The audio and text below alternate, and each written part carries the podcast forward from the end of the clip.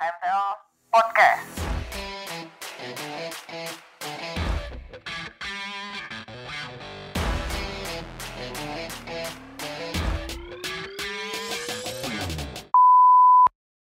Hai, kembali lagi bersama saya Marella dan Kak Caroline di podcast Alumni Goes to Campus episode kedua. Sekarang kita akan melakukan Q&A bersama Kak Caroline. Nah, kita kan barusan ngobrolin tentang Korea Selatan secara umum nih, dan sekarang udah waktunya ke Q&A session. Jadi banyak pertanyaan tuh kak yang masuk ke kita dan kita udah berhasil menyortir menjadi 11 pertanyaan yang mudah-mudahan mewakili pertanyaan-pertanyaan yang lain. Nah, selain itu, banyak juga yang nanyain tentang beasiswa Koika. Dan sudah berhasil kita rangkum menjadi beberapa pertanyaan saja. Ini pertanyaan terkait Koika yang pertama itu, Kak Caroline mendapatkan info beasiswa tersebut dari mana sih Kak? Oke, ini pertanyaannya yang kemarin itu aku review itu benar-benar bagus semua.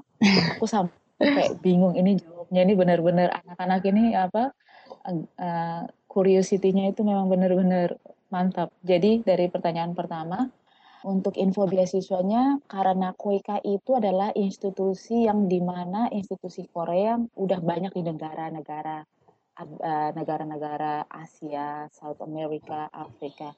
Jadi biasanya info beasiswa yang saya dapatkan itu dari berhasil eh, dari yang saya dapatkan itu dari institusi itu sendiri, tapi dalam via sosial media, email ataupun dari um, advertisement di negara saya di Timor Leste.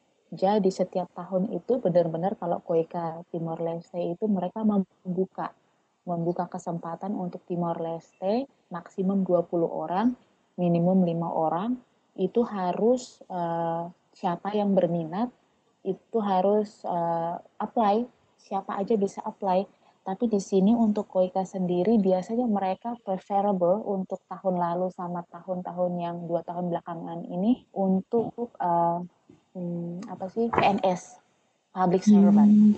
jadi siapa aja yang udah lolos masuk PNS jadi capacity building yang diberikan itu mereka lebih me mengutamakan PNS ya, public servant. Tapi saya sendiri bukan PNS. Hmm. Kenapa saya bisa dapat? Nah, well, it's it's one of blessing from me because karena aku kemarin itu kerjanya itu bukan di PNS, bukan di pemerintahan, tapi kita ngerjain project. Kayak ConocoPhillips kan uh, itu company, of course, oil and gas company. Tapi pada saat itu, pada saat saya di uh, tempatkan lagi di onshore itu kan kita bekerja di joint venture company company joint venture. Jadi di company ini kita itu dipush untuk membantu pemerintah untuk mempercepat program-program pemerintah yang ada. Jadi pada saat itu uh, mereka juga kaget banget kenapa uh, bukan orang pemerintah yang apply di water engineering dan kemarin ada banyak orang pemerintah yang apply tapi puji Tuhan yang keterima kan orang yang non pemerintah atau orang yang setengah kerja di pemerintah, setengah kerja di uh, public uh, company. Biasanya dipanggil joint venture. Hmm. Jadi kemarin itu aku sama teman aku dari UN, UNDP, kita itu orang yang benar-benar bukan 100% orang pemerintahan tapi lolos. Karena Koika sangat memper uh, memperhatikan kualitas kualitas dari para para kontestannya siapa aja yang apply dan mereka benar-benar uh, open banget untuk proses rekrutmennya.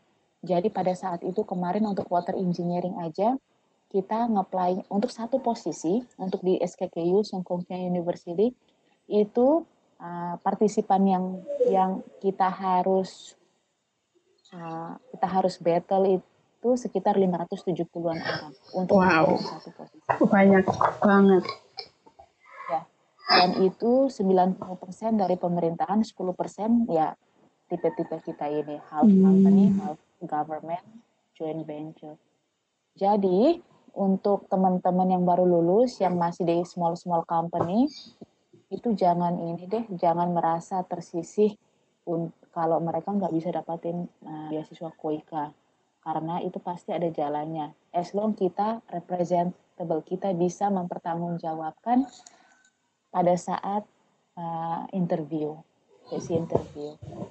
Hmm, itu berarti Jadi kayak mereka memberikan 90% ke pemerintah, hmm, para PNS, 10% itu untuk uh, orang-orang yang di luar pemerintah. Dan sekarang tinggal uh, proses seleksi alam aja yang bisa menguji kita apakah kita mampu atau enggak iya mengambil itu. posisi itu. itu persaingannya benar-benar ketat kan ya kak. Terus yang perlu dipersiapkan sebelum Ketat apply banget ya. beasiswa di luar negeri khususnya Koika itu apa ya kak? Dan tips dan triknya itu apa? Oke, apa saja yang perlu dipersiapkan? Pertama, untuk aku, aku tuh uh, kemarin belajar dari pengalaman kalau setelah lulus dari UPN, dari teknik lingkungan, yang di mana kemarin yang dapat uh, dari UPN juga, aku dapat beasiswa dari Kementerian uh, Petroleum and Gas Timor Leste.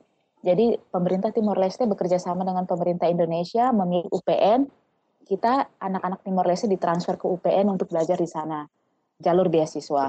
Setelah itu, uh, sebenarnya masih ada, setelah S1 masih ada langsung ke S2, tapi kita nggak ngambil. Aku memilih nggak ngambil karena uh, aku masih mikir kalau field experience itu harus lebih kuat dulu sebelum uh, ke jenjang S2.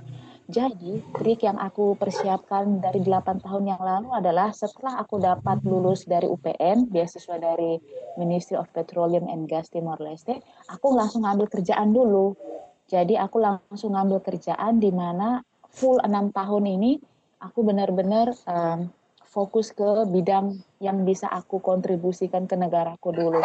Jadi mulai pertama tahun pertama uh, aku magang di kayak di Timor Leste namanya ANPM Authority National of Petroleum. Kalau di Indonesia namanya BP Migas gitu deh. Hmm. Nah, itu setahun dulu. Setelah itu baru dari situ rekomendasinya aku ditransfer ke ConocoPhillips yang ada di lepas pantai. Itu selama empat tahun. Setelah empat tahun di itu aku disuruh istirahat karena um, aku sendiri yang minta istirahat karena memang pressure-nya gede di sana. Jadi kan kita kalau kerja turis itu kan juga bosan Iya. untuk istirahat dulu. Kan. Iya tentu. Minta istirahat setahun. Aku minta istirahat setahun, terus aku kembali ke daratan dulu. Darat, karena pada saat itu aku cuman kerjaannya satu bulan penuh di sana.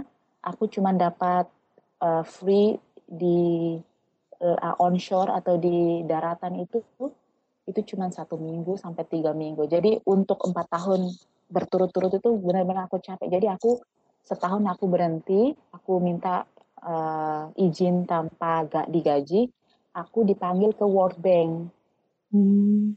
ke World Bank dulu, World Bank Timor Leste, Bank Dunia Timor Leste. Hmm. Setelah itu aku bantu-bantu di sana selama satu tahun juga sebagai uh, konsultan di sana. Setelah itu baru aku di deploy, aku disuruh lagi balik ke oil uh, oil and gas di mana itu ada launch uh, kita lagi persiapan satu uh, tempat yang di mana menjadi prospek untuk uh, drilling itu di South Coast dekat-dekat lagi di lepas pantai. Jadi dari field experience dari enam tahun yang aku dapat itu, aku udah set up set up dulu plan aku S2 ini selama aku bekerja ini uh, kita orang kan nggak bisa stuck di satu tempat aja kan. Kita mm -hmm. harus mikir juga kalau education background itu semakin lama itu semakin uh, require-nya bertambah. Jadi kita harus mengupgrade diri kita.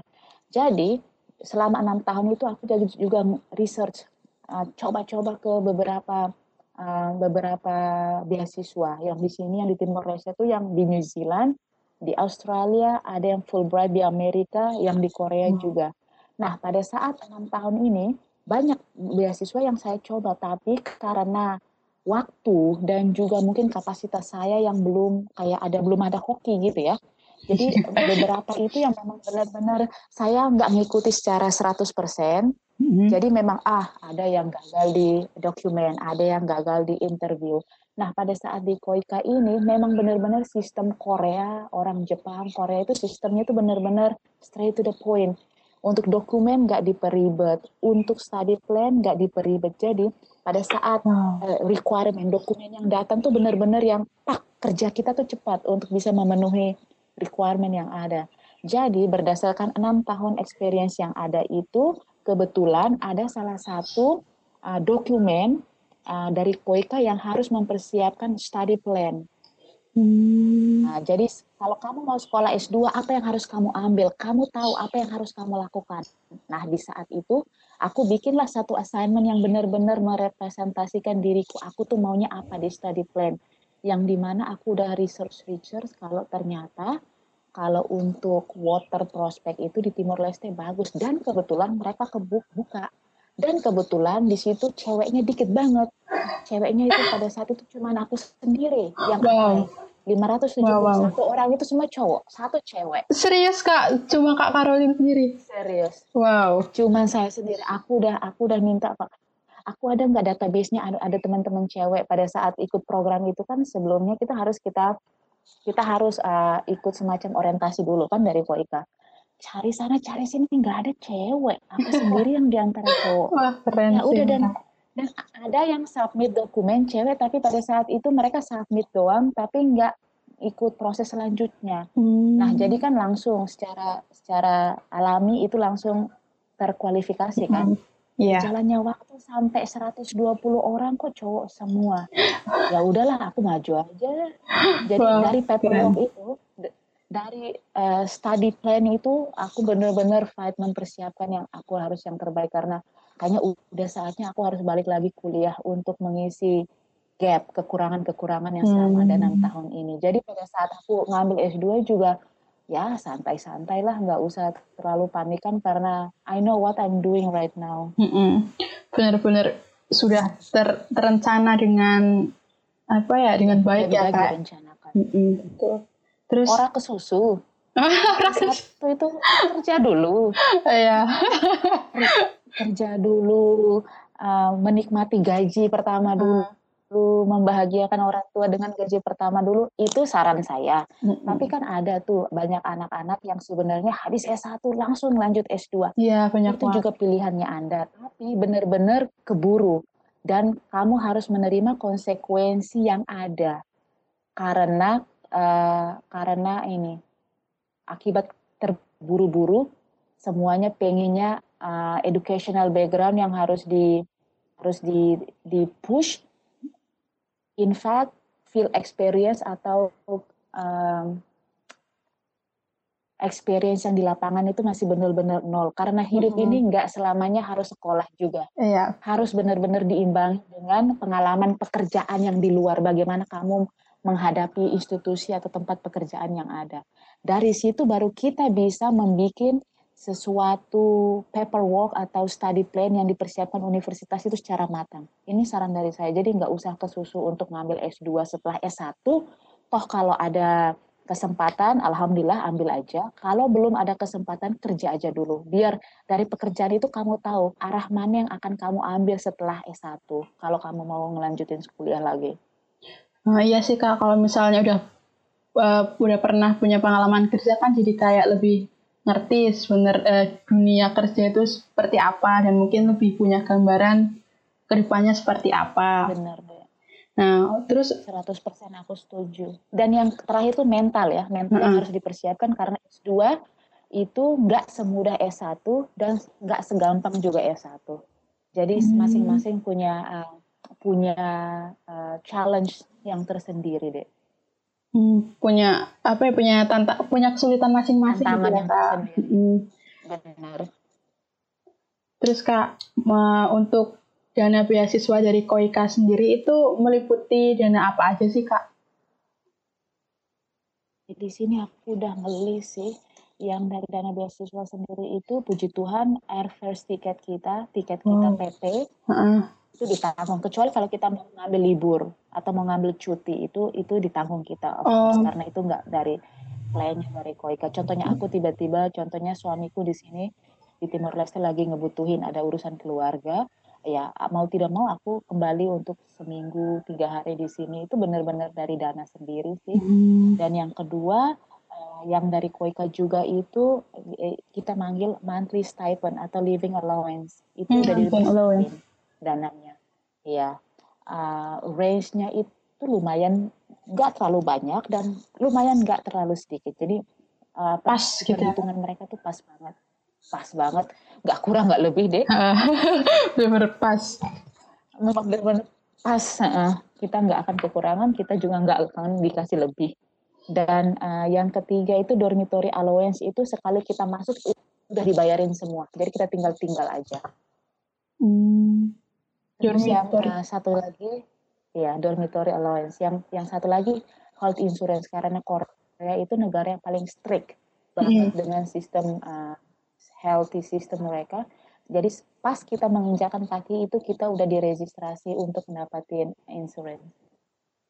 Hmm, berarti it, eh, sebenarnya berarti kita tinggal membawa badan ke, ke Korea ya kak? Kalau misalnya pakai beasiswa dari Koika. Karena eh, 100% benar. ya eh, sekolah udah dibayarin terus li- living allowance juga ada. Jadi kayak dipermudah sekali ya kak sebenarnya. Udah tinggal bawa badan mau siapin mental kuliah. Langsung Gitu berangkat. aja doang. Ya capcus. Emang kalau ngomong lebih gampang sih kak sebenarnya. Eh, nah itu dan yang terakhir research allowance juga. Oh Yang research allowance ada kalau iya tapi kalau kita research kita itu benar-benar diminati sama profesor. Jadi Hmm. benar-benar kalau kita ngambil research yang memang benar-benar diminati kita bisa apply uh, apa sih namanya uh, mini proposal ke dia profesor ini judul saya gini-gini.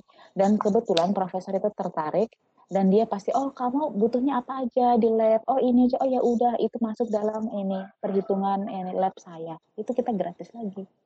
Hmm, berarti tapi kalau misalnya eh, profe ini pahit-pahitnya profesornya nggak tertarik tuh kak berarti kita pakai biaya sendiri.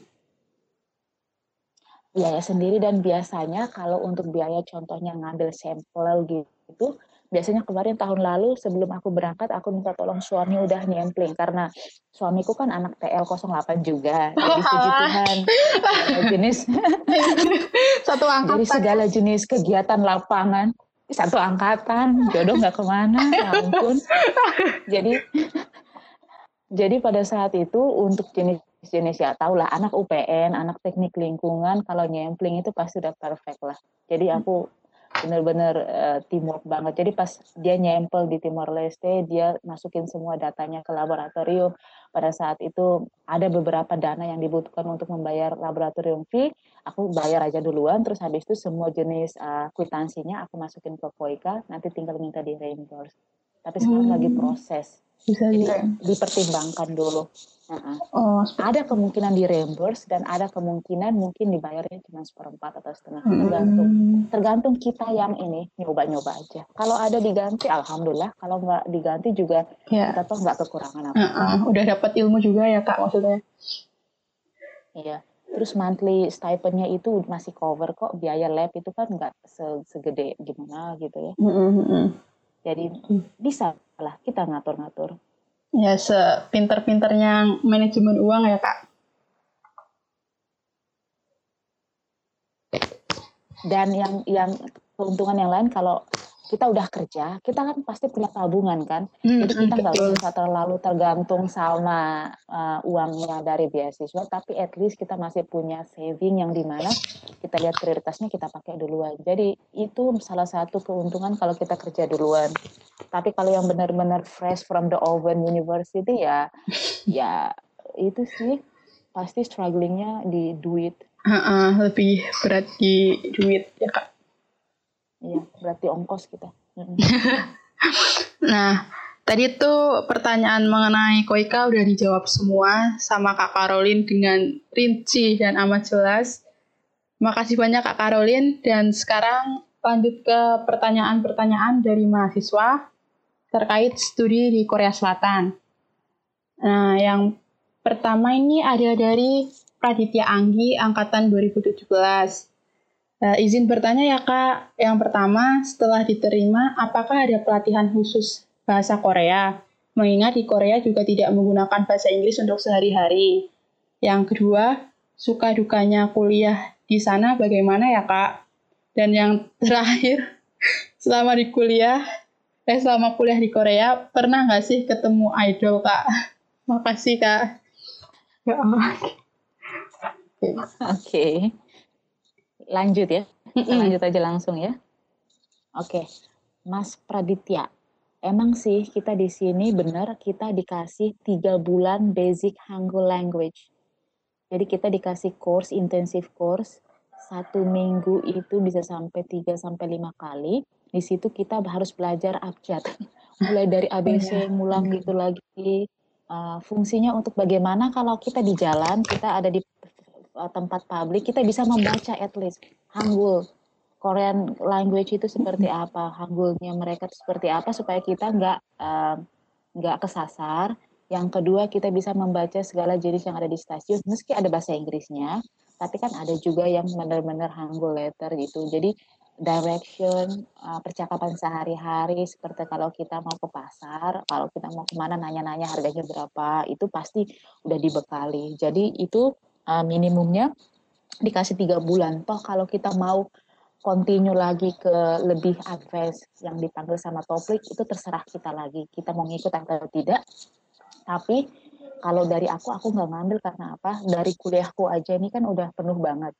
Dari benar-benar penuh banget ininya uh, subjeknya dan setup like-nya jadi aku lebih memilih untuk uh, belajar otodidak aja. Aku nggak akan ngambil topik hmm, oh topik terus yang kedua suka duka kuliahnya bagaimana? Ada sukanya, ada dukanya. Aku dari dukanya dulu ya, Dek. Oke, Kak. Uh, dari dukanya dulu karena kan uh, aku memutuskan kuliah di Korea itu karena untuk boost up juga karir dan juga benar-benar teknologinya yang di Korea ini benar-benar one of the most uh, advanced country at the moment dari cara mereka menangani COVID aja kita udah bisa lihat kalau teknologi yang diaplikasikan itu udah ke sektor banyak sektor. Jadi itu itu alasan dasar dan sebelum COVID pun aku udah udah banyak research kalau untuk water engineering itu benar-benar Korea nggak ada duanya. Dari studinya World Bank juga aku udah tahu kalau semua jenis project air atau ini uh, project water engineering di Korea itu 98% itu sukses semua. Wow. Jadi dengan dengan apa? Dengan um, beberapa research research ini aku memutuskan kuliah di sana tapi untuk dukanya karena sebelum aku kuliah sebelum dua minggu aku perjalanan ke Korea kan aku nikah aku What? dilamar sama senior kalian wah itu mepet jadi dua minggu Iya, benar-benar mepet. Benar-benar uh, rencananya nikah bulan November tahun 2019. Eh, tapi tiba-tiba pas kita berdua lagi kerja di lapangan, lagi nyempling ini hmm. di salah satu tempat di Timor Leste, di sungai terbesar di Timor Leste, tiba-tiba ditelepon dari Kueka, Carolina selamat, kamu uh, ternyata lolos oh. untuk SKKU Suwon. Ya, ya kaget juga pada saat itu kan iya. calon suami, masih calon suami juga dengar. Uh, ya udah di di di di sungai itu ya udah dilamar aja. Kamu boleh ke Korea tapi kita nikah dulu. Oh, kalau kamu nggak nih kalau kamu nggak mau nikah ya ya gimana hubungan kita gini? Oh. jadi aku nggak bisa. Uh, berjalan tanpa komitmen ya pada saat itu juga anak-anak teknik anak TL kan di mana aja ya udah udah siap lah ya udah aku nikah hari ini besok ataupun bulan depan sama kamu aku siap deh nggak apa so sweet. Aduh ya ampun. Jadi itu dilamar di bulan Maret. Dilamar di bulan Maret pada saat announcement Koika. Jadi kita nikahnya bulan Juli dua minggu sebelum aku berangkat ke Korea. Jadi sudukanya adalah baru nikah dua minggu udah meninggalkan suami. Itu hal yang sangat terberat. Iya betul Kayak... Dan yang kedua itu immigration issue. Immigration issue di Korea itu benar-benar perfect dan gak ada kalau kita terlambat aja ngurus dokumen itu itu benar-benar uh, ribet banget. Jadi jangan sampai miss hmm. uh, komunikasi sama imigrasi yang di Korea. Tetap dibantu sama Koika sama kampus tapi kalau suruh jam 9, jam 8.45 udah ngantri atau udah di sana lebih baik kita ngikutin.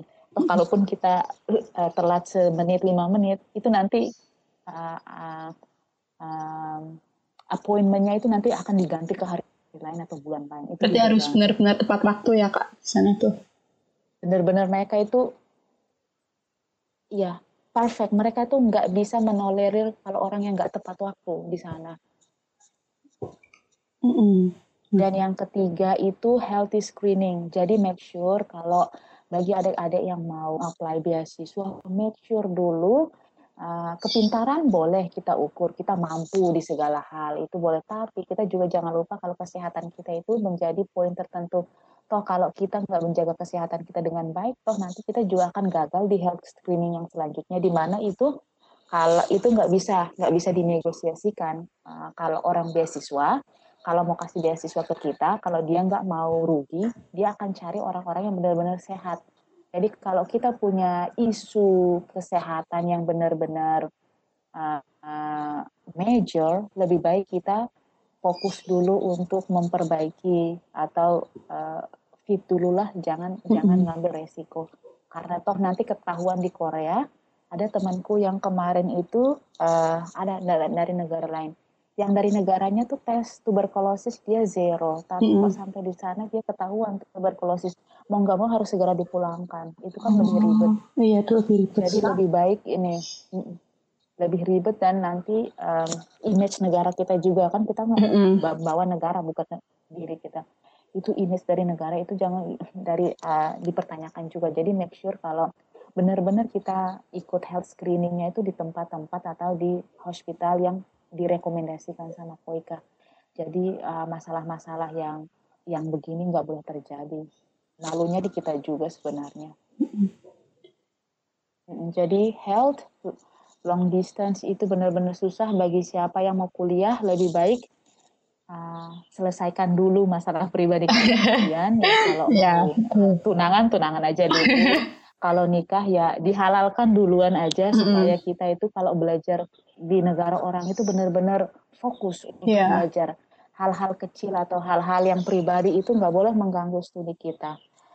Uh, sukanya kalau kuliah di sana, of course kita belajar di tempat yang baru, kita mengadaptasi teknologi yang baru itu bagus banget supaya kita merasa kalau kita itu bukan apa-apa. Jadi kita tuh harus lebih banyak belajar, mendengar, dan juga kita harus banyak melakukan research sehingga nanti setelah 18 bulan pulang ini ada sesuatu yang baik atau yang bermanfaat kita bisa bawa untuk membangun negara kita sendiri. Hmm, mantap. Betul sekali Kak, setuju. Yang terakhir, selama kuliah di Korea pernah nggak ketemu idol? Setiap minggu itu, eh, kampus itu selalu ngajak uh, uh, ngadain kalau K-pop coming road to campus. serius kan? Uh, itu iya setiap minggu tuh ada. Oh. Di uh, ini di di kampus tuh setiap hari Sabtu tuh ada sebelum corona ya. Hmm, sebelum, corona. corona itu setiap dua minggu setiap minggu itu pasti uh, week weekendnya itu K-pop kayak apa ya BTS atau apa tuh pasti. Hmm. Bukannya komplit ya, satu uh. dua orang itu ke sana oh. ataupun yang girl band girl band mm-hmm. itu kan pasti ngampus gitu kan dan orang tuh banyak banget dan itu merupakan satu uh, prospek ekonomik yang bisa diambil dari uh, student organizationnya SKKU. Jadi sebanyak mereka bisa ngejual tiket yang ada, itu semakin pemasukan ke kampus itu juga gede banget. Nah, oh. Tapi kemarin itu dari semester pertama aku cuma nonton sekali. sekali itu yang yang Lia Blackpink itu doang. Oh, yang Blackpink. Waktu deh, aku ngabisinnya di let, ya yang di Blackpink Lia Blackpink itu kemarin nampil. Tapi itu cuma itu doang karena memang gak ada waktu. Kita di oh, iya. uh, kita di, di di tempat sebegitu padatnya schedule schedule mata kuliah yang ada berat-berat jadi ya aku ya nonton sekali. Iya. Kalau ada waktu luang mending buat istirahat ya kak. Bener, membuat istirahat atau jalan-jalan. Iya. Explore. Aduh ya ampun. Tapi kan untuk seumuran teman-temanku, ya angkatan seumuran kan uh, di sana itu ada angkatan teman-temanku itu yang di mana itu mereka baru S1 setelah itu uh, habis graduate, uh, undergraduate langsung tembus uh, S2. Jadi mereka masih yang kayak aura-aura hobi itu. Iya, ya. itu masih banget jadi ya aduh. Uh, ngikut aja tapi ya ya ya. Bocah-bocah lah.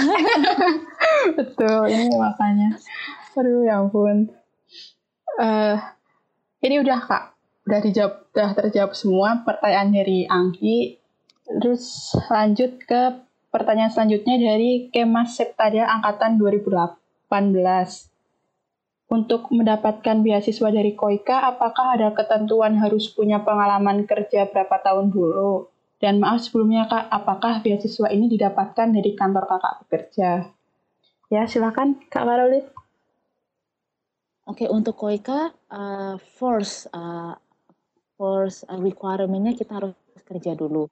Tapi itu nggak menutup kemungkinan untuk yang baru lulus juga bisa. Tapi uh, prosesnya lebih ribet karena kamu nggak punya pengalaman yang kamu harus jelaskan. Kamu harus bisa mengconvince tim panelis itu kalau oh aku juga bisa kok setelah aku lulus kuliah ini plan aku itu bisa tapi benar-benar kalau aku lihat uh, probability-nya itu uh, kecil sekali ya kecil sekali mm. jadi lebih baik kalau mau ngambil beasiswa dari Koika terlebih yang ada di negara kita yang di biasanya itu ada ada Koika tuh beasiswanya banyak tapi yang di sini biasa yang paling ngetren, yang paling bagus sama yang dananya juga lumayan itu biasanya itu Koika Siat, Capacity Improvement and Advance for Tomorrow. Itu yang benar-benar yang aku dapat, yang benar-benar yang standarnya memang internasional. Itu memang harus mengharuskan kita itu at least bekerja dulu setahun juga nggak apa-apa, enam bulan juga nggak apa-apa. Setelah itu itu yang kedua maaf sebelumnya kak beasiswa ini dapatkan dari kantor kerja? Enggak aku nyari sendiri deh. Aku nyari sendiri karena di negara Timor Leste itu beasiswa paling bergengsi itu ada empat. Koika, Fulbright, New Zealand Scholarship sama AUZ Australian uh, uh, Scholarship. Jadi empat ini benar-benar jadi idola banget di negara Timor Leste. Kalau siapa pun yang dapat beasiswa ini ya puji Tuhan uh, mereka nggak akan serba kekurangan sih. Hmm. Ya. Oh berarti emang infonya nyari sendiri ya kak kalau beasiswanya itu? Infonya kan nyari sendiri tapi kan di sini kan advertisementnya juga udah bener-bener. Udah bener ya. Jadi kalau bulan Agustus itu udah bener-bener booming banget. Uh, uh, dan, uh, kayak uh. muncul di mana-mana ya kak itu kalau kita dapetin beasiswa aja foto kita hari ini tuh terpampang di pamflet-pamflet. Oh, serius Timor Leste udah kalau serius deh. Kalau untuk di Timor Leste mereka itu sangat untuk saat ini ya hmm. untuk uh, beasiswa itu semua orang itu pasti akan berlomba-lomba mendapatkan. Jadi uh, advertisementnya juga itu benar-benar bombastis. Jadi uh, they they will take you as long you are the best of the best. Mm -mm Amin. Ya, jadi benar-benar asal tingkat uh, tingkat uh, kompetisinya tuh ada, itu kelihatan banget. Nah, emang benar-benar ketat ya kak kompetisinya itu. So far untuk Koika mereka udah transparan terus ketat lagi dek. Aduh. Ini aku jujur.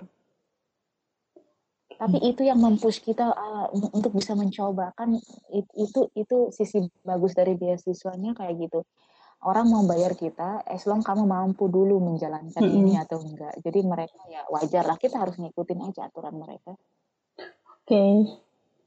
Uh, berarti itu jawabannya untuk pertanyaan dari Kemas. Uh, selanjutnya dari Sofia Adiana angkatan 2017. Hai Kak, izin bertanya. Kakak dulu dari S1 langsung lanjut S2 atau kerja dulu? Buat kuliah di Korea Selatan haruskah bisa bahasa Korea Selatan dan tulisannya atau yang penting bahasa Inggrisnya dan pembelajaran di sana pakai bahasa apa ya kak? Terima kasih. Ya silakan kak Karolin. Untuk idealnya nggak menutup kemungkinan dari S1 langsung S2.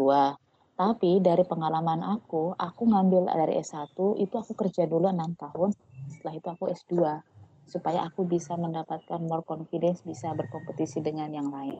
Uh, untuk kuliah di Korsel itu sebenarnya kalau untuk beasiswa yang lain itu diharuskan harus bisa bahasa Korea. Tapi di sini ada beberapa ketentuan yang dikasih Koika karena S2-nya ini memang benar-benar ditempa selama 18 bulan, harus bisa memenuhi targetnya Koika. Jadi di sini pembelajaran yang kita pakai sampai detik ini, ini memang benar-benar 100% bahasa Inggris. Bahasa Korea memang benar-benar diperkenalkan sebagai responsibility, social responsibility-nya government of Korea ke foreigner seperti kita.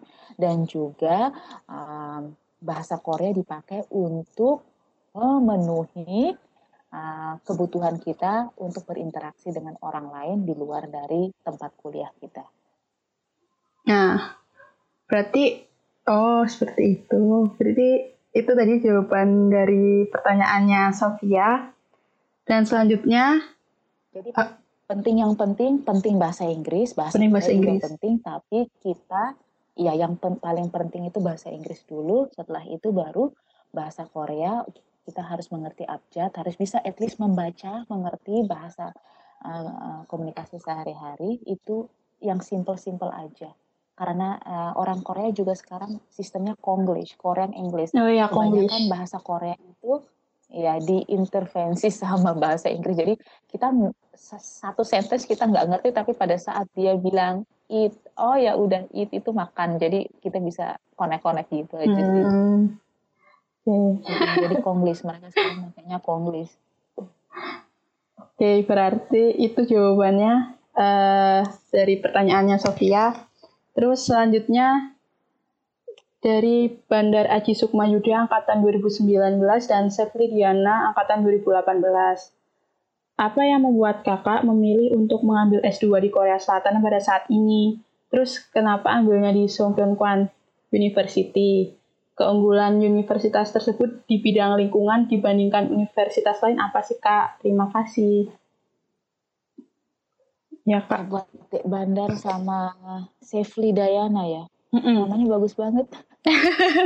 Iya kak itu. Bapaknya pasti dulu ECC nih, HSE nih, namanya Sefli Diana. Oh iya, bisa juga. Iya kan? Iya, saya bisa bisa Ya, Oke, bercanda doang ya Dek Sehli, jangan marah. Oke, untuk saat ini kenapa aku ngambil S2-nya di Korea? Karena kemarin-kemarin tuh aku mikir eh, teknologi yang paling boost up itu adalah Korea saat ini. Mau jujur, Korea Selatan itu sekarang negara yang di mana di mana eh, intervensi teknologinya itu benar-benar tercepat. Speednya tuh cepat banget. Makanya aku meski bahasanya bukan bahasa Inggris tapi ya udah aku berani ngambil karena teknologi yang dipakai itu benar-benar diaplikasikan di negara-negara berkembang seperti Timor Leste. Terus kenapa aku ngambil Sung Kyung Kwan? Karena just for your information, Dek, Sung Kyung Kwan University ini kan di-establish atau didirikan pada tahun 13 13 uh, 1393. Udah udah udah ketahuan banget kan? Iya, udah dari- lama banget itu. dari tahun berdirinya ada udah lama banget. Jadi uh, uh, water resources engineering atau water engineering yang ada di S2 di sini itu basicnya itu harus dari arsitek atau teknik sipil. Jadi kuat banget mereka di sini. Dan just for your information untuk SKKU itu uh, tahun kemarin 2019 itu da- dia itulah the best top 3 engineering university nomor Yes. 3 di Korea. Betul. Nah, uh, jadi itu nggak uh, nggak menutup kemungkinan kalau uh, uh, SKQ is the best lah. Bukan karena aku kuliah di sini, karena memang benar-benar Tapi ya, researchnya nomor tiga terbaik ya di Korea. heeh. Itu emang sih kak, kayak waktu aku nyari-nyari SKKU University tuh kayak, wow di Songpyeon tuh kayak keren banget sumpah. Maksudnya orang Korea sendiri pun banyak banget yang ingin masuk di Songpyeon kan kak. Jadi, wow banget sih. Terus eh, pertanyaan selanjutnya itu dari Veila Dianing Chandra Dewi angkatan 2018. Keahlian seperti apa yang harus benar-benar diasah untuk mendapatkan beasiswa di universitas dan di jurusan tersebut? Hmm, Dek Veila langsung straight to the point English. English is very important my dear. Hmm, karena semua ya semua uh, kurikulumnya itu harus pakai bahasa Inggris. Kita harus banyak nulis assignment sama research kita, tesis kita nanti juga toh dipublikasikan. Jadi kita harus strong base-nya English. Gramatikal ya, akademik. Nggak boleh yang English yang uh, for conversation. Dan yang kedua, karena aku percaya kalau UPN itu kita pasti punya uh, intuisi dan juga basic engineering yang lumayan kuat buat buat buat adik-adik. Jadi jangan takut kalau kita saat ini uh, berkaca dari pengalamanku untuk S1 UPN udah mem- UPN Teknik Lingkungan udah memberikan uh, porsi yang udah pas. Tinggal kita mengasah diri kita biar kita bisa lebih mengambil keuntungan itu untuk bisa ngambil ke S2. Jadi untuk engineering background jangan lupa harus banyak belajar mata kuliah water chemistry, kimia air, kimia 1 2 3, please itu harus. Terus habis itu rekayasa teknik, ya. Betul. Uh, mata kuliahnya pasang gitu ya. Hmm. Terus habis itu mata kuliahnya Budina, limbah B3 ah, ya, ya itu limbah harus B3. benar-benar pelajari. Ya. Terus habis itu mata kuliahnya Pak Eko Teguh, mitigasi. Oh, mitigasi kebencanaan. bencana alam. Ah, ya. Ya, itu harus karena semuanya itu kompleks. Itu uh, keterkaitan satu sama lain dan itu berguna banget aku di um, di S2 ini. Aku benar-benar bersyukur kalau UPN ini udah kasih porsi yang pas sama yang terakhir uh, mata kuliahnya Pak Johan ekosistem terumbu karang. Hmm, iya. Itu pun harus karena kalau kita ngomong air bukan aja untuk air bersih, kita juga harus bisa tahu teknologi bagaimana kita memfiltrasi air laut menjadi air bersih untuk dipakai ke masyarakat. Itu sekarang tesis yang aku ambil. Eh, Jadi air laut untuk air bersih ya kak? Ya, Tesisnya. untuk safe drinking water. Wow.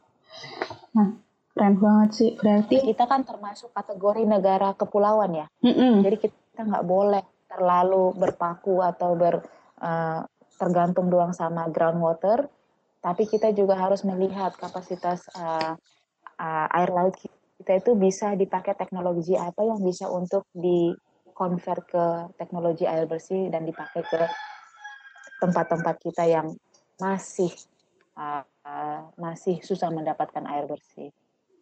Oke, berarti untuk pertanyaannya Vela itu ada apa ya yang keahlian yang harus diasah itu ada English dan basic engineering yang ada di teknik lingkungan. Nah, Ya, untuk bener. Pokoknya porsi yang ada di kurikulumnya yang di UPN itu itu memang benar-benar adik-adik sekalian harus fokus saja belajar karena memang udah benar-benar pas, udah benar-benar sinkron kalau kita mau ngambil S2. Semua jenis meski dikasihnya cuma sedikit-sedikit, ya, tapi tinggal kamu harus banyak belajar aja pada saat kamu masuk S2, ah basicnya ini aku udah dapat jadi aku tinggal Oh. perdalam dulu. tuh. Berarti memang porsinya udah pas ya. Oke. Mm, Dan for your information, kamu harus benar-benar kontak, baik-baikin kajur kita. Benar-benar kita harus punya very good relationship karena aku sampai di Korea sampai detik ini pun aku harus minta rekomendasinya dari UPN dan puji Tuhan tahun lalu aku kemarin uh, main ke Jogja ya 2018 nggak sempet uh, jenguk eh, HMTL tapi cuman sore doang. Itu aku minta rekomendasi letternya di Budina sore itu. Dan cepat banget Ibu Dina langsung ngirim, aku langsung masukin uh, SKKU nelpon UPN, bener-bener anak ini kuliah di sini dulunya, ah oh, bener bener. Ya udah langsung. Jadi uh, relationship sama kajur, Hmm. sama uh, Sama kampus ya, sama Kamu harus bener-bener baik soalnya mau toh tidak mau kalau kita mau apply S2 kita harus bisa minta rekomendasi dari kampus kita terdahulu. Oh, seperti Oke, berarti ada basic ada English, basic engineering dan relasi dengan kampus. Oke. Terus lanjut ke pertanyaan selanjutnya, Kak. Ini ada dari Nadia Putri angkatan 2017. Eh, pertanyaannya, apakah dulu setelah lulus S1 memang ingin melanjutkan S2 di luar negeri? Jika tidak, mungkin ada ha- ada hal yang membuat dilema seperti mempertimbangkan antara melanjutkan studi S2 di luar negeri atau bekerja. Terus bagaimana kakak mempertimbangkan hal tersebut? Dan yang kedua, pengalaman apa yang sempat didapat saat S1 yang menunjang kelanjutan untuk S2, baik akademik maupun non-akademik? Ya silakan Kak Caroline.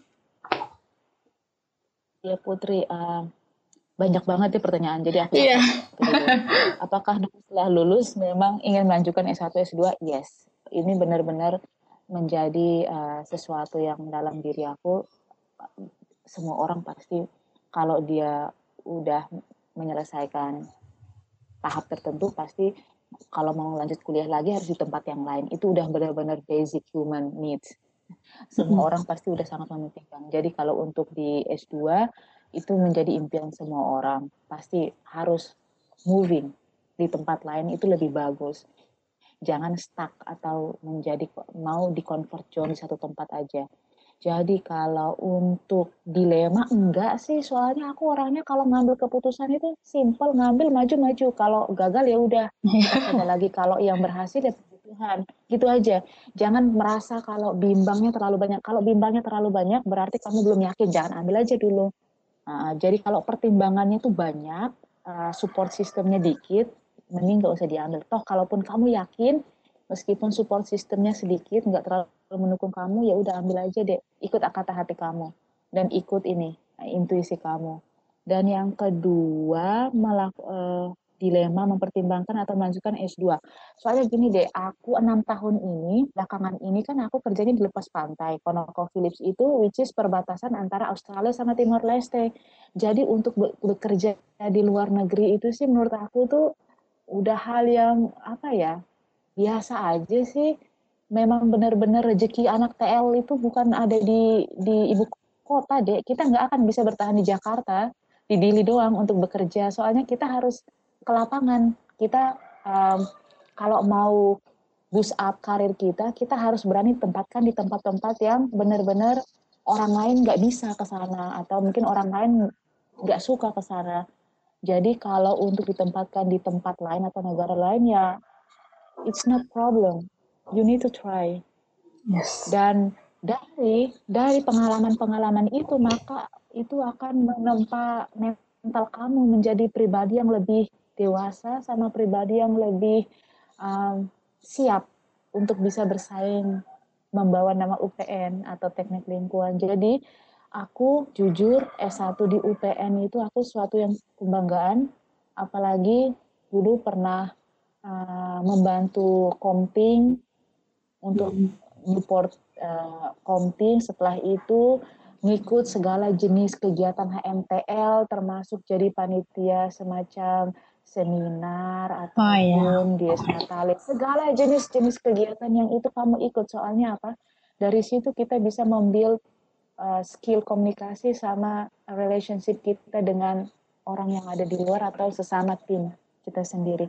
Jadi apa pun yang ada di kampus kegiatan apa pun ikut deh. Kamu udah menang nasi kotak udah menang sertifikat menang banyak deh. Nggak ada nggak ada yang nggak enaknya. Paling capek. Iya. capek kan paling pulang istirahat. Jadi sebagai mahasiswa itu lebih baik eh, mainnya di kampus aja. Kegiatan kampus itu lebih lebih bagus. Lebih bagus daripada kita uh, hmm, jadi pasif. Nggak ngikut kegiatan ekstrakurikuler di kampus ataupun HMTL itu pasti nyesel deh jadi mahasiswa pasif. Jadi segala jenis yang kita peroleh sampai uh, senior kalian dapat ini karena benar-benar dari ekstrakurikuler, dari formal non formal akademik yang dapat dari UPN. Oke, okay, berarti memang ya kak kalau non akademik itu sama pentingnya dengan akademik ya kak. Jadi kegiatan apa pun yang ada di kampus lebih baik diikutin gitu ya kak, buat menambah pengalaman gitu. Kecuali kecuali demo-demo anarkis ya. Ah itu itu, itu, itu pengecualian. Nah, angkatanku dulu sumpah. Astaga aku nggak ikut-ikutan deh. itu berbahaya sih. itu berbahaya apa kan iya. angkatan eh, di angkatanku dulu kan itu kan masih universitas swasta kan iya. belum belum masuk ke negeri itu tuh struggle-nya tuh banyak banget dan uh, ide pemikiran dari BEM HMTL juga mungkin banyak yang benar-benar berbeda pada saat itu. Tapi ya diambil yang positifnya aja, hmm. yang nggak baiknya dipelajari karena dari sistem-sistem itu juga itu mengasah kita untuk bagaimana kita bisa uh, mempelajari menyelesaikan masalah. Jadi semuanya itu kita syukuri. Oke, okay. itu berarti jawaban dari pertanyaannya Nadia benar-benar sudah dijelaskan secara rinci oleh Kak Karolin dan terbukti kan kalau misalnya kegiatan non akademik itu pun nggak kalah pentingnya dari kegiatan akademik dan yang lanjut ke pertanyaan selanjutnya kak ini ada dari Gaisani Yusrina Ramadhani angkatan 2017 Halo kak, salam kenal. Sekarang kan kakak sedang S2 di Songkyan Kuan University bagian Water Engineering. Bagaimana pandangan kakak mengenai peran wanita di bidang yang kakak tekuni saat ini? Terima kasih, Kak. Peran wanita di bidang yang aku tekuni saat ini, ini to be honest deh, please uh, kalau kalian uh, uh, research water engineering itu tuh prospek yang akan bagus untuk 2025 ke atas ini. Hmm. Karena ini merupakan basic needs yang dibutuhkan setiap manusia yang ada di muka bumi ini. Jadi peran wanita di dalamnya itu sangat membantu. Kenapa? Aku bukan mau membela wanita karena kita sesama wanita enggak. Okay. Tapi menurut aku wanita itu aku sangat bangga menjadi wanita karena apa? Pertama, wanita itu adalah uh, individu yang sangat attention to detail. Mereka tuh bisa mengerjakan pekerjaan apa aja di saat bersamaan tiga atau empat pekerjaan karena kita jujur kita dianugerahi uh, ekstra ekstra ekstra apa yang ada di di otak kita yang bisa mengerjakan sesuatu hal itu yang di saat bersamaan tuh bisa. Ya, ya multitasking. Jadi seba sebagai wanita kamu harus bersyukur, kamu harus menekuni um, bidang apa aja yang kamu suka. Dan menurut aku water engineering itu is a very very good prospect uh, 2055 up itu sangat-sangat bagus deh karena apa? Seperti yang aku ulangi, aku ulangi lagi, air itulah merupakan kebutuhan dasar manusia. Kalau kita nggak bisa, kita negara yang gagal me, uh, mengatur sistem perairan yang ada, itu it is gonna be a big loss for us. Secara ekonomi, secara health, orang-orang itu nggak bisa bertahan karena kita nggak punya sistem yang benar-benar mensupport sistem air kita. Jadi segala jenis itu nggak diatur pemerintah, malah diatur dari private-private company atau masing-masing. Itu menjadi basic kalau negara kita itu sangat mudah terkontaminasi untuk uh, uh, hal-hal uh, yang lebih berat lagi. Seperti yang kita lihat, COVID ini kan pasti itu udah punya sejarah panjang. Jadi kalau aku mau contohin ke air, itu it's better we need to manage our water especially in your country in my country. So it's gonna be a very uh, good system to set up. Kalau enggak sistem kontaminasi atau masalah-masalah itu akan muncul di tahun-tahun yang akan datang. Dan itu akan bisa mempengaruhi keberlangsungan hidup di satu negara. Jadi untuk wanita lebih baik uh, engineering sistem kamu harus benar-benar belajar dan juga kamu bisa berkontribusi sekecil apa pun kontribusinya as long as engineering part and it's wise it's it's gonna be good for your country. Oke, okay. berarti uh, peran wanita bisa dikatakan apa ya kak penting soalnya punya kita mampu melakukan multitasking dan apa ya memperhatikan detail seperti itu ya kak. Detail. Oke, okay. terus Iya. Lan eh, lanjut ke pertanyaan berikutnya ya Kak. Ini ada dari Laras angkatan 2017. Yang pertama, apa sebetulnya keahlian atau kemampuan yang paling dibutuhkan atau diinginkan dari lulusan teknik lingkungan di Indonesia atau dunia? Dan yang kedua, mata kuliah teknik lingkungan yang sedang menjadi isu paling penting dilihat dari luar Indonesia. Ya, silakan Kak. Oke, Dek Laras. Uh, it's very specific question ya. Menurut aku sih engineering background, seperti bagaimana kita bisa belajar uh, berhitung dengan baik dan benar. Yang kedua, environmental analysis. Bagaimana sebagai seorang teknik lingkungan, kamu harus punya intuisi yang kuat untuk bisa menganalisis uh, atau mendesain dokumen-dokumen seperti kalau UKL, UPL yang ada di Indonesia, AMDAL, itu kamu harus punya basic yang benar-benar kuat untuk mendesain dokumen itu karena sebelum proyek itu maju kamu harus bisa tahu ke arah mana kamu mengarahkan satu company pemerintah untuk bisa mendesain um, sistem yang ada untuk melindungi dan juga uh, how to maintain your uh, environmental license juga.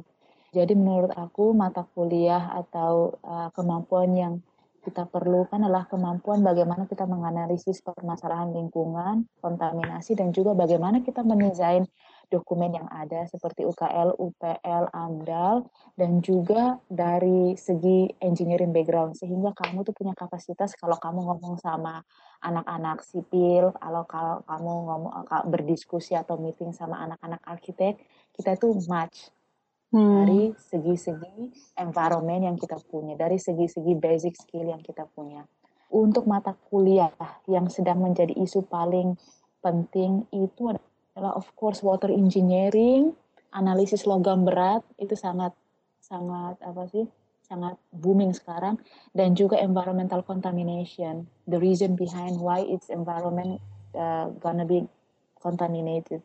Itu tiga mata kuliah itu yang menurut aku penting dan satu lagi hari ini aku baru dapat info dari teman-temanku itu integrated water management system. Itu yang benar-benar mata kuliah yang lagi booming. Bagaimana kita mendesain um, satu tempat atau satu negara yang belum punya uh, water management system sendiri. Oke, okay. jadi oh ya ya, makasih banyak uh, jawabannya Kak Caroline. Lang langsung aja ke pertanyaan selanjutnya dari Lailiatun Nikma angkatan 2017. Uh, apakah di sana juga sering ada kegiatan atau aksi sosial terkait lingkungan hidup yang dilakukan bersama oleh mahasiswa-mahasiswanya?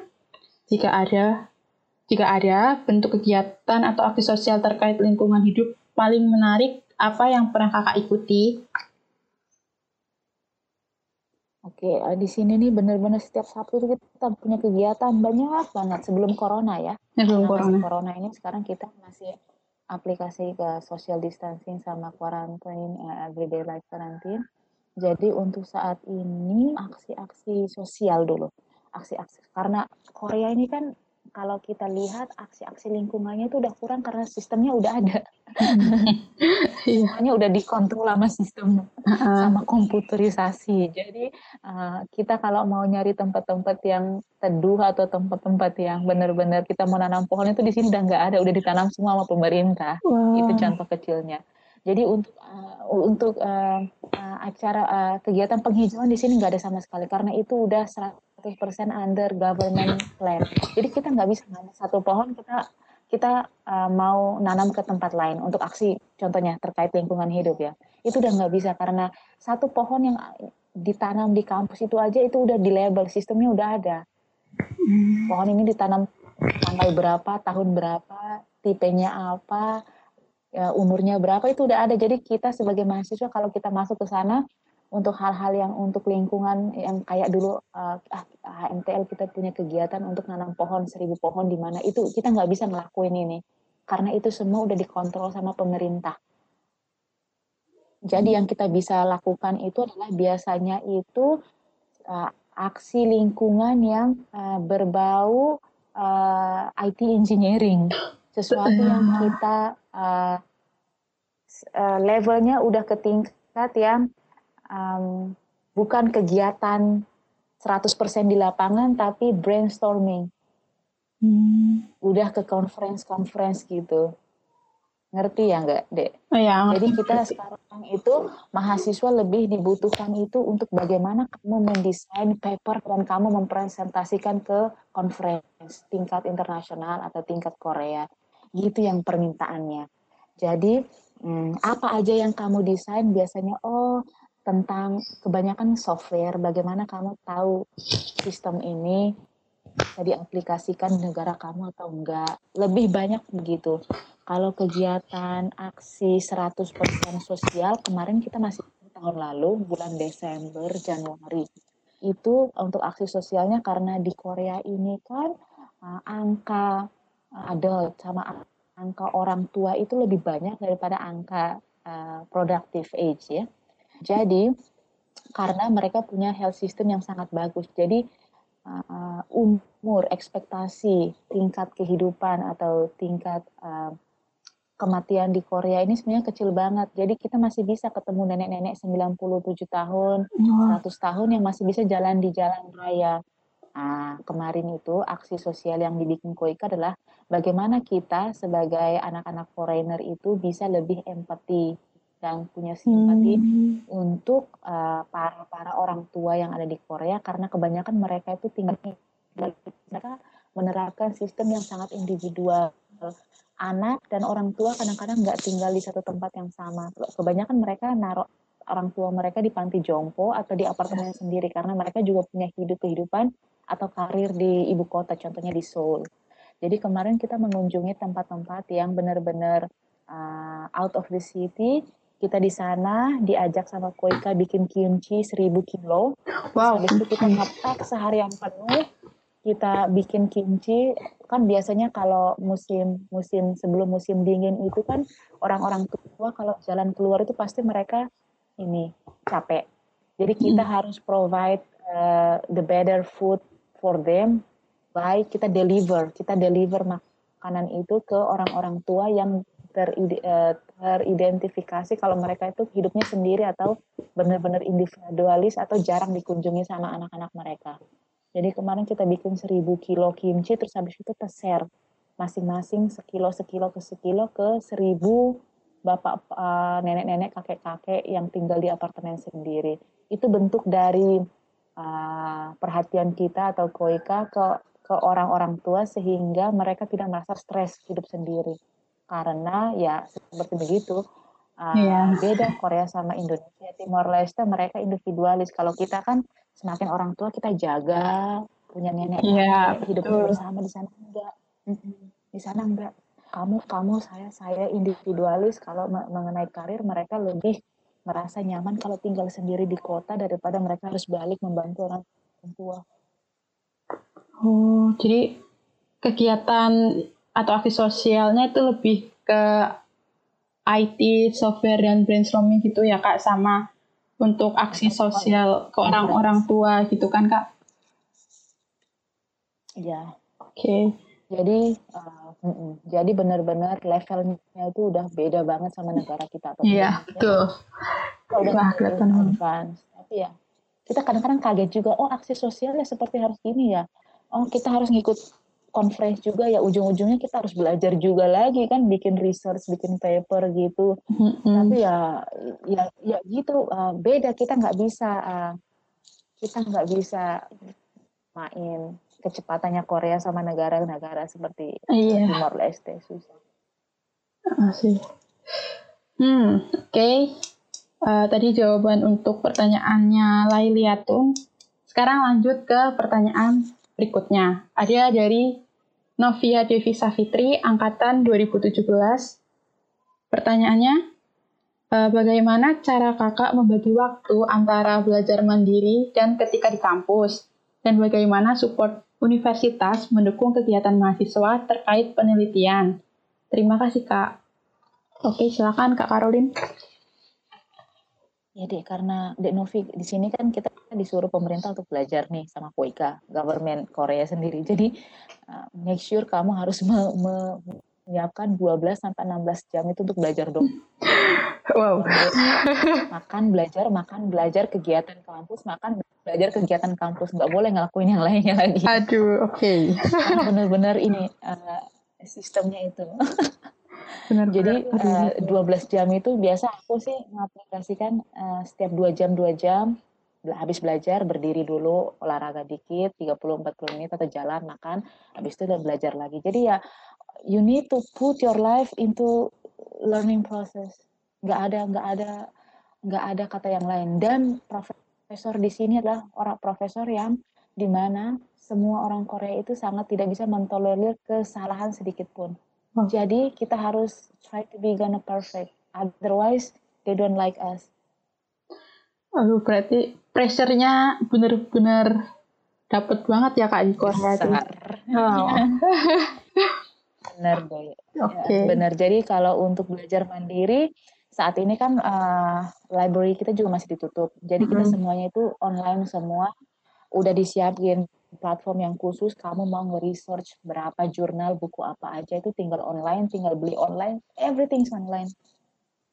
Oh, berarti memang Jadi meskipun uh, mm -hmm. library-nya nggak buka, semua jenis buku itu pasti kamu bisa dapat dari SKKU platform. Oke, berarti emang universitas juga sangat mendukung dan persiapannya juga bagus banget ya Kak waktu pandemi seperti ini.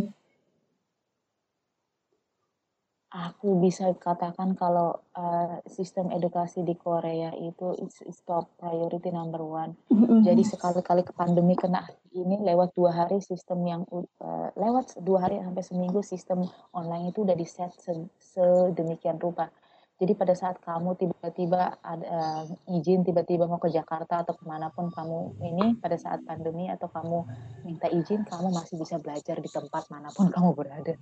Hmm, oke, okay. benar-benar ya, uh, top priority ya kalau belajar. Uh, sel pertanyaan selanjutnya uh, ada dari Kak Anita angkatan 2016 dan Yohanes Krista angkatan 2017. Pertanyaannya adalah pengaplikasian water engineering di negara Korea sendiri kayak gimana sih Kak? Ditujukan untuk skala besar atau domestik? Terus perbedaannya di Korea dan di Indonesia itu apa? Kalau diaplikasikan di Indonesia, kira-kira jadi seperti apa ya Kak? Terima kasih. Oke, silakan Kak Caroline. Oke, Mbak Anita, angkatan 2016, pengaplikasian water engineering di sini itu adalah totally 100% under by government. Jadi private company nggak bisa menjalankan uh, perusahaan hmm. air minum atau air. Itu harus under government. Ini namanya Korea Water uh, Korea Water Institution. Jadi itu semua itu dikontrol sama pemerintah. Jadi otomatis uh, Mbak Anita bisa mikir kalau udah dikontrol sama pemerintah berarti skalanya sangat-sangat besar nasional. Bedanya adalah Korea itu semenjak mereka berdiri sebagai negara, mereka itu punya support system yang sangat kuat, which is World Bank dan IMF. Pasti teman-teman udah pada ini kan, pada pada familiar dengan apa itu World Bank, apa itu IMF, International Monetary Fund, yes. yang di mana itu base-nya di Amerika. Jadi mereka itu langsung 100% dari negara itu berdiri, mereka itu 90% semuanya didanai sama uh, negara adidaya Amerika dalam sistem funding melalui IMF project atau World Bank. Jadi yang mereka ngambil duluan itu adalah loan atau kredit itu yang diambil itu pertama itu infrastruktur, bangunan, teknologinya sama air. Itu mereka perbaiki terlebih dahulu. Jadi mereka bikin best of the best uh, teknologi atau sampel yang ada supaya pada saat pengambilan loan yang lain atau kredit yang lain itu itu udah benar-benar tinggal proses touching aja untuk make over aja. Jadi dari uh, sejarah negara mereka semenjak North uh, Korea Utara sama Korea Selatan itu terpisah, yang satunya lebih memilih uh, di sayap kiri, yang satunya lebih memilih ke sayap kanan, itu mereka udah punya support system dari kredit yang diambil dari World Bank sama IMF itu benar-benar kuat. Jadi pengambilannya itu bukan seperti negara Indonesia atau negara Timor Leste yang masih million atau one billion. Mereka tuh kalau ngambil itu bisa sampai 60 billion. Hmm. Jadi pada saat mereka ngambil duit yang banyak, itu pengaplikasi ke proyek mereka tuh skalanya udah besar sekali. Mereka punya uh, plan kalau untuk uh, ngambil duit 60 billion tahun ini berarti lima tahun ke depan itu proyek mereka udah bisa menjadi contoh ke proyek di seluruh dunia, at least. Jadi, untuk perbedaannya itu sangat besar karena pengaplikasiannya mereka itu mereka punya dana yang sangat besar untuk mensupport um, project mereka. Jadi beda sekali sama negara kita yang kadang-kadang itu masih is not quite familiar atau masih asing bener untuk cara pengambilan loan dari World Bank atau IMF.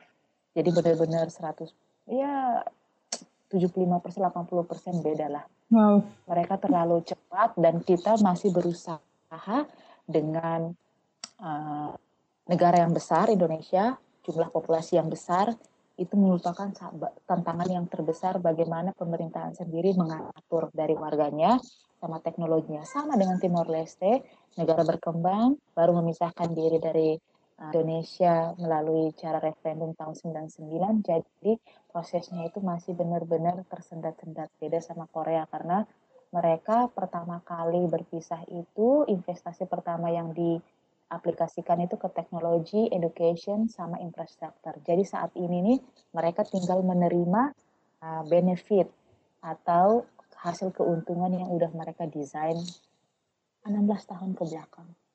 Wow, 16 tahun ke belakang. Itu lumayan. Oke. Okay. Iya, lumayan banget. 16 tahun mereka membuat perubahan yang besar sekali. Oke, okay, terus ah ternyata udah pertanyaannya udah habis dan nggak kerasa nih pertanyaan dari mahasiswa udah dijawab semua kan sama Kak Caroline. Nah, di penghujung podcast kali ini ada pesan-pesan untuk adik-adik mahasiswa teknik lingkungan gak kak? Oh iya, aku juga nggak ngerasa dari dari jam berapa 8.45 sekarang udah sampai udah setengah sebelas ya di sana. Iya, nggak kerasa banget oh, kak. Aku ngerasa Iya, aku ngerasa kalau berapa baru berapa menit ini sih bincang bincang-bincang sama adik-adik. Uh, Oke, okay, ini aku nggak mau banyak ngomong karena udah dijelasin banyak banget dan aku yes. semangat banget. Aku benar-benar pada saat uh, anak HMT, uh, teman-teman HMTL uh, minta uh, uh, untuk membagi pengalaman yang ada, of course I, I'll giving you 100% of my support to you. Karena apa? Share is care pertama. Dan yang kedua, uh, pesan terakhir dari aku bahwa kalau adik-adik, teman-teman, mbak-mbak, mas-mas nggak boleh merasa takut untuk keluar dari zona nyaman yang kita punya untuk bisa menggapai sesuatu yang lebih baru. Karena apa uh, dengan kita bisa berbagi experience ini aku berharap anak UPN bisa lebih banyak lagi di negara-negara yang lain. Jangan aku sendiri dong bantu support aku untuk bisa mempromosikan UPN yeah. lingkungan di di tempat-tempat yang lain. Karena uh, negara kita jangan stuck uh, untuk saat ini nggak boleh stuck di satu tempat. Kita kalau mau lebih banyak berkembang lebih bisa berkontribusi harus berani mengambil resiko atau harus berani keluar dari zona nyaman yang kita punya. Ini aja sih dek. Jadi ayo kalau ada yang udah lulus Anita 2016 di tempat Kalimantan, ke sana aja. Jangan jangan ke Papua, ke sana aja. Tapi juga dilihat dari safety prosedurnya mm -hmm. seperti apa. Tapi kalau kamu punya kesempatan keluar dari Pulau Jawa, aku merekomendasikan ambil dede, ambil. Mm. Kita masih muda juga kan, jadi harus hidup ini harus lebih berwarna. Ambil yes. itu. Oke. Okay. Udah itu aja kak. Iya, aku. Oh. You need to be uh, uh, you need to be take all the risk and take out of your comfort zone. Okay. Gak usah terlalu uh, terlalu stuck di satu tempat yang ya, yang hidup kita nanti akan begitu-begitu aja kalau kita tahu kalau prospeknya ke depan bagus ambil. Oke. Okay. Uh, Oke okay, Kak, thank you so much Kak Caroline for sharing your knowledge to us and sparing your time for us tuh. Kami benar-benar berterima kasih atas kesediaan Kak Caroline sebagai narasumber podcast kita kali ini. Nah, semoga sukses terus di mana pun kakak berada dan mampu mengharumkan nama teknik lingkungan UPN Veteran Yogyakarta dan Indonesia. Sekali lagi makasih banyak ya Kak. Amin, makasih juga ya. Semangat ya semuanya. Okay. Stay safe, stay fit gitu ya. Oke Kak, have a nice day Kak. Uh, have a nice day too.